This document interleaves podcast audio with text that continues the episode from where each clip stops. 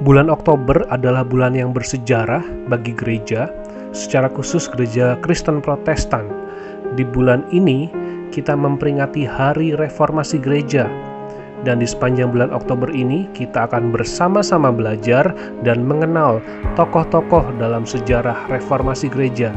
Kiranya dapat menjadi pengetahuan yang berguna untuk kita semakin mengenal dan memahami keberadaan gereja kita di hari ini.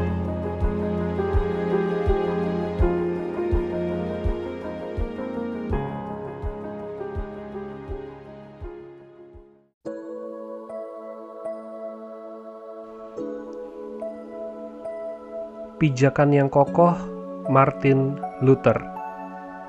Salah satu hal yang digaungkan di dalam reformasi, terutama reformasi Martin Luther, adalah firman Allah datang kepada kita dalam bentuk sebuah buku, yaitu Alkitab. Luther memahami bahwa Tuhan memelihara pengalaman keselamatan dan kesalehan dari generasi ke generasi melalui kitab suci bukan dari uskup di Roma. Gerakan reformasi mengajak agar setiap pengikut Kristus hanya tunduk secara mutlak kepada kitab suci, bukan pada otoritas mana pun, baik itu paus maupun dewan. Dasar dari firman Allah di atas semua kekuasaan membentuk Luther dan juga seluruh gerakan reformasi. Tetapi Luther bisa menemukan itu bukanlah hal yang mudah. Ia mengalami perjalanan yang panjang dan itu dimulai dari badai petir yang dilewatinya pada usia 21 tahun. Pada tanggal 2 Juli 1505, dalam perjalanan pulang dari sekolah hukum, Luther terjebak di dalam sebuah badai petir. Bahkan dia merasa bahwa dia hampir mati terjebak dalam badai tersebut. Dia berteriak, "Tolong saya, Santa Ana, saya akan menjadi seorang biarawan." Dan 15 hari kemudian, ayah Luther sangat kecewa karena Luther meninggalkan studi hukumnya dan menepati perkataannya itu. Dia mengetuk gerbang biara Agustinian di kota Erfurt dan meminta agar biara tersebut dapat menerimanya untuk masuk ke dalam Ordo Agustinian. Pada usia 21 tahun, ia akhirnya menjadi seorang biarawan Agustinian pada misa pertamanya dua tahun kemudian, Luther mengalami kebimbangan karena ia memikirkan tentang kebesaran Tuhan, ia memikirkan tentang kekudusan Tuhan, dan ia merasa dia begitu berdosa. Ia sempat memiliki keinginan untuk kabur dan keluar, tetapi ia mengurungkan niat tersebut. Namun, dalam hari-harinya hidup di biara, ia tidak menemukan ketenangan. Luther mengatakan, Meskipun saya hidup sebagai seorang biarawan tanpa celah, saya merasa bahwa saya adalah orang berdosa di hadapan Tuhan. Hati nurani saya sangat terganggu. Saya tidak percaya bahwa Tuhan merasa puas dengan kepuasan saya. Luther juga menjalani kehidupan selibatnya sampai ia berusia 42 tahun. Ia bercerita tentang kehidupannya di biara. Dia berkata, "Saya tidak memikirkan tentang wanita, uang, atau harta benda. Sebaliknya, hatiku gemetar dan gelisah tentang apakah Tuhan akan melimpahkan rahmatnya kepadaku." Kerinduan Luther sangat besar untuk mengetahui kebahagiaan dan sukacita di dalam Tuhan. Luther berkata, "Jika saya bisa percaya bahwa Tuhan tidak marah kepada saya, saya akan sangat bersuka cita karena itu. Pada tahun 1509, atasan dan konselor serta teman Luther yaitu Johannes von Staupitz mengizinkan Luther untuk mulai mengajar Alkitab. Tiga tahun kemudian, pada 19 Oktober 1512, pada usia 28 tahun, Luther menerima gelar doktor di bidang teologi dan von Staupitz menyerahkan kepadanya kursi untuk mengajar dalam teologi biblika di Universitas Wittenberg yang dipegang Luther sampai akhir hidupnya.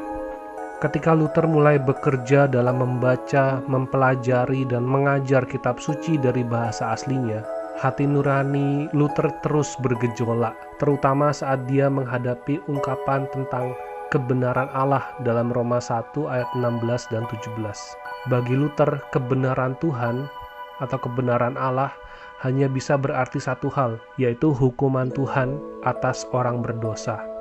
Sehingga Luther sempat berpikir bahwa kekuatan Allah adalah kekuatan untuk menghukum dan membinasakan karena Allah adalah kudus, Allah adalah benar dan manusia berdosa. Tetapi kemudian dalam pembelajarannya, Luther menemukan sesuatu hal yang indah.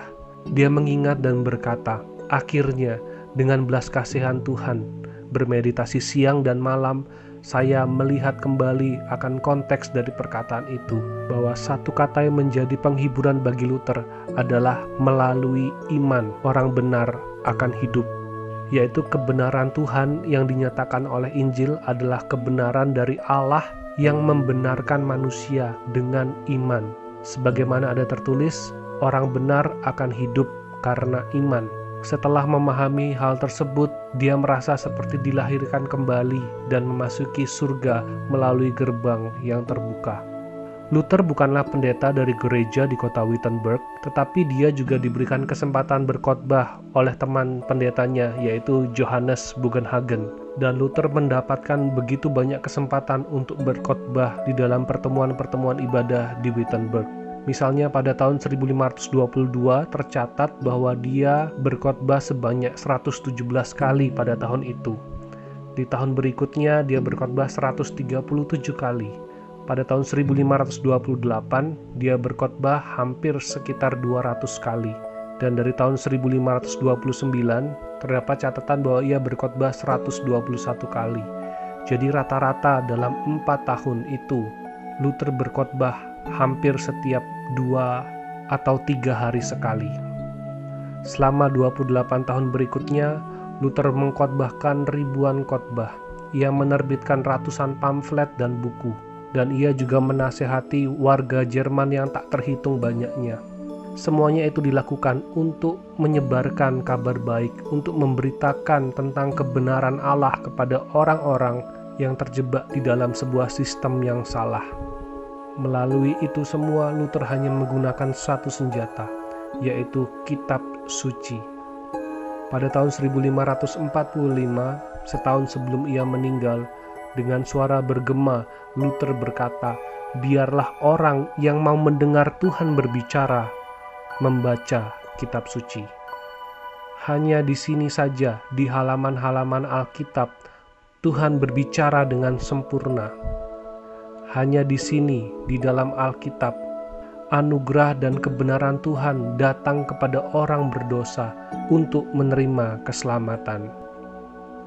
Luther menjalani apa yang diyakininya, bahwa firman Tuhan adalah satu-satunya dasar yang kuat yang ia perlukan di dalam kehidupannya. Pada tahun 1533, ia sempat menulis, bahwa selama beberapa tahun saya telah membaca Alkitab dua kali setiap tahun. Luther terus melakukan praktek itu setidaknya selama 10 tahun. Alkitab menjadi lebih berarti bagi Luther daripada semua tulisan-tulisan bapak-bapak gereja maupun juga semua tafsiran. Di sinilah Luther berdiri, di sini juga kita harusnya berdiri, bukan pada pernyataan dari orang, bukan dari berita-berita yang tidak jelas yang saat ini sering kali bertebaran, tetapi pada firman Allah, firman yang berkuasa, firman Tuhan yang hidup dan berdiam di dalam hati dan kehidupan kita. Walaupun Luther harus menerima konsekuensinya, ia dikeluarkan dari gereja Roma, tetapi Luther berada pada pijakan yang kokoh. Ia berdiri di atas dasar firman Tuhan dan biarlah itu juga menjadi dasar dan pijakan bagi kita menjalani kehidupan kita di hari ini. Mari kita kembali pada Alkitab, mari kita membaca firman Tuhan dan menemukan kebenaran Tuhan, menemukan keselamatan dari Tuhan, dan menjalani kehidupan kita sesuai dengan kehendaknya.